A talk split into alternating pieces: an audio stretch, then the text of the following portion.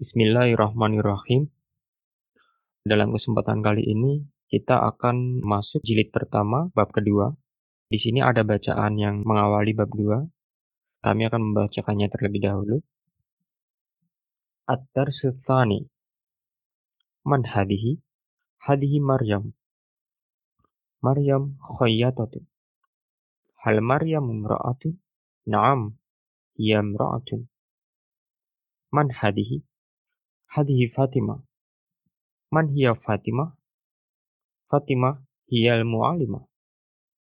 Al-mu'alimatu ra'atun. Man hadihi? Hadihi Zainab. Zainab tilmidatun. Hal Zainabu mra'atun? La, hiya bintu. Itu tadi bacaan untuk bab 2. Daftar kosakatanya bisa teman-teman lihat setelahnya itu ada masing-masing dari arti kata sama seperti bab satu kemarin. Kemudian untuk arti bacaannya juga bisa langsung disimak. Oke baik, kita mulai masuk untuk membahas pola kalimat yang ada di bab 2 ini. Yang pertama ada nomor satu kalimat nomina. Kita masuk ke pembahasan kalimat nomina yang kedua. Nah, di situ ada dalam kurung dua itu maksudnya adalah pembahasan tentang kalimat nomina yang kedua. Jadi pada waktu bab satu kemarin kita sudah menyinggung kalimat nomina yang pertama, sekarang kita membahas kalimat nomina yang kedua.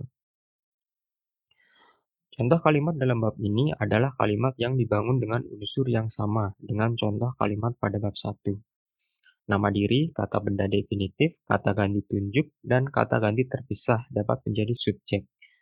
Sedang kata benda atau nama diri dapat menjadi predikatnya.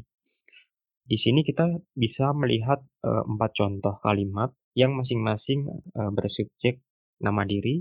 Kemudian untuk contoh yang kedua subjeknya kata benda definitif, yang ketiga subjeknya kata ganti tunjuk, kemudian yang keempat subjeknya adalah kata ganti terpisah. Jadi untuk contoh yang pertama, Maryam khoyatatu. Maryam adalah penjahit. Itu subjeknya adalah Maryam, yang menjadi topik kalimat ini adalah Maryam. Kemudian untuk predikatnya adalah penjahit. Khoyatatu. Subjeknya Maryam, nama diri. Predikatnya adalah khoyatatu. Penjahit. Contoh yang kedua, al-mu'alimatu ra'atun. Guru tersebut wanita. Di kalimat yang kedua ini ada alif lam untuk al-mu'alimah, untuk subjek katanya itu berarti sudah ma'rifah, sudah definitif ya. Sudah diketahui. Jadi artinya guru tersebut, baik pembicara maupun lawan bicara, sudah sama-sama mengetahui guru tersebut. Kemudian untuk yang contoh ketiga, itu ada hadihi Maryam. Hadihi itu adalah kata ganti tunjuk berjenis kelamin wanita, berjenis kelamin perempuannya. Nanti untuk kata ganti tunjuk ini kita akan bahas di poin berikutnya. Kemudian ada contoh keempat, Hia bintu. Dia anak perempuan. Dia adalah anak perempuan. Untuk arti ini sebetulnya kita bisa tambahi kata dalam terjemahan itu adalah ya. Jadi Maryam adalah penjahit, guru tersebut adalah wanita. Ini adalah Maryam. Dia adalah anak perempuan. Seperti itu. Hanya untuk penyingkatan saja. Kita di sini uh, untuk contoh 2 sampai dengan keempat kita tidak tuliskan kata adalahnya untuk alasan kepraktisan saja ya. Untuk terjemahan sebetulnya bisa fleksibel seperti itu. Kemudian kita masuk ke nomor dua, bentuk feminin kata benda. Bentuk feminin kata benda kebanyakan dibentuk dengan penambahan tak marbutoh pada bentuk maskulin. Ya, uh, seperti yang telah disinggung sebelumnya pada bab 1 bahwa kata dalam bahasa Arab itu memiliki jenis kelamin, yaitu mu'anat dan muzakkar. Nah, di bab kedua ini kita akan belajar bahwa kata benda itu bisa berjenis kelamin perempuan atau feminin dengan menambahkan tak marbutah pada bentuk maskulinnya. Di sini kita bisa lihat contoh yang pertama, khoyatun, penjahit. Kemudian kita tambahkan tak marbutah di belakangnya, khoyatotun, menjadi penjahit wanita. Jadi penjahitnya berjenis kelamin wanita. Kemudian untuk contoh yang kedua, mu'alim kita tambahkan tak marbutoh di belakangnya mu'alimatun menjadi guru perempuan. Gurunya berjenis kelamin perempuan. Dan contoh nomor tiga, ada tilmizun, siswa. Kita tambahkan tak marbutoh di belakangnya, tilmizatun. Artinya adalah siswi. Siswa yang berjenis kelamin perempuan. Jadi artinya siswi. Kemudian contoh yang keempat ada tabib, dokter. Kita tambahkan tak marbutoh di belakangnya, tabibatun. Menjadi dokter perempuan. Cukup jelas ya, insya Allah jelas. Untuk aturan penambahan tak marbutoh ini, untuk harokat sebelum huruf tak marbutoh itu diubah menjadi fathah. Jadi, khoyatun jadi khoyatatun, mu'alimun menjadi mu'alimatun, tilmidun menjadi tilmidatun, tabibun menjadi tabibat. Harokat sebelum tak marbutoh diubah menjadi fathah. Langsung kita lanjut ke nomor tiga, yaitu kata ganti tunjuk dekat. Di sini kita akan belajar kata ganti tunjuk dekat untuk bentuk feminin, yaitu hadihi. Hadihi adalah bentuk feminin dari hada. Mengenai pelafalan huruf kata pertama ini, silakan merujuk pada penjelasan mengenai hada dalam bab satu. Tidak ada masalah ya untuk kata hadihi ini. Jadi bentuk maskulin hada, bentuk femininnya adalah hadihi. Ini digunakan untuk kata tunjuk, kata benda menyesuaikan dengan jenis kelaminnya masing-masing. Jadi ketika kita menyebutkan kata benda yang laki-laki, misalnya nama orang laki-laki atau kata benda laki-laki seperti dokter laki-laki, guru laki-laki, siswa laki-laki, dan seterusnya, itu kita pakai hada. Kemudian untuk yang perempuan kita pakai hadihi. Disesuaikan ya dengan jenis kelamin masing-masing. Kami kira cukup jelas. Kemudian kita masuk ke nomor 4, yaitu kata ganti terpisah. Kata ganti terpisah yang kita pelajari di sini adalah bentuk feminin daripada huwa, yaitu hia. Hia adalah kata ganti terpisah atau kata ganti nominatif, bentuk feminin untuk orang ketiga tunggal.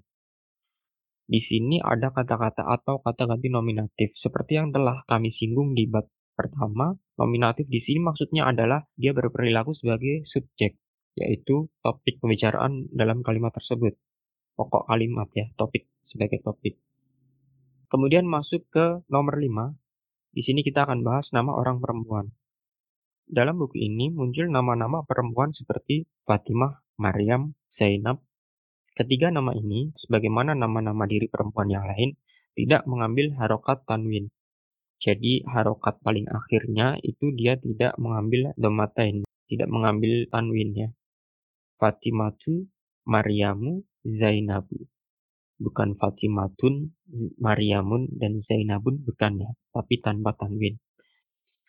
Umar tidak mengambil harokat tanwin, sebagaimana telah disebutkan pada bab 1. Kata-kata benda yang tidak mengambil tanwin seperti yang telah disebut barusan tadi, itu disebut dengan kata dengan dua tingkat perubahan. Materi ini akan Anda pelajari di bab 6 nanti. Ini hubungannya nanti kaitannya dengan i'rab ya perubahan harokat akhir dari suatu kata. Kita tidak akan membahas di bab ini karena nanti uh, bukan pada tempatnya.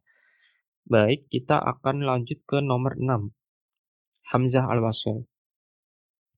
Sebagaimana telah disebut pada bab 1, partikel definitif bahasa Arab adalah alif lam. Ini barangkali merupakan cara penulisan yang praktis. Mulanya partikel ini ditulis alif lam dengan menambahkan hamzah di atas alif. Namun hamzah ini merupakan salah satu hamzah sementara atau hamzah al-wasol, di mana lafalnya kadang-kadang hilang tergantung posisinya dalam kalimat.